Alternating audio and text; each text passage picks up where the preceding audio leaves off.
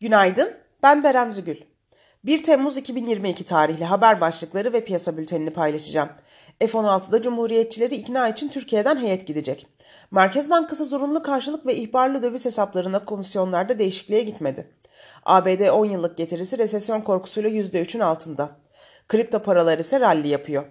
1970'ten bu yana en kötü ilk 6 ayını geçiren Wall Street endekslerinde vadeliler yine ekside.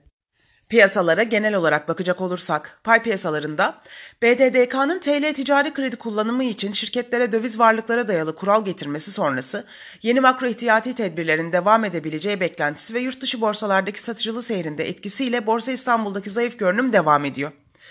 Borsa İstanbul'da teknik olarak kısa vadeli görünüm bozulurken tepki yükselişi denemeleri oluşsa da yurt dışı borsalarda güçlü bir toparlanma yaşanmadıkça yükselişlerin satış fırsatı olarak kullanılmasını bekliyoruz. Ancak yaklaşan ikinci çeyrek bilanço dönemi nedeniyle Borsa İstanbul'a hisse bazlı ayrışmanın ve sert düşüşlerin alım fırsatı olacağını düşünüyoruz. Borsa İstanbul kapanışına göre ABD ve Almanya vadelileri satıcılı seyrediyor. Asya borsalarında da satıcılı bir seyir var.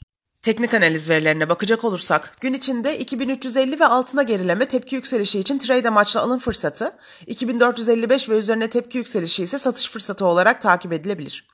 Viop tarafında ise gün içi long pozisyonlar için 2754, short pozisyonlar için 2794 seviyeleri zarar kes seviyesi olarak izlenebilir.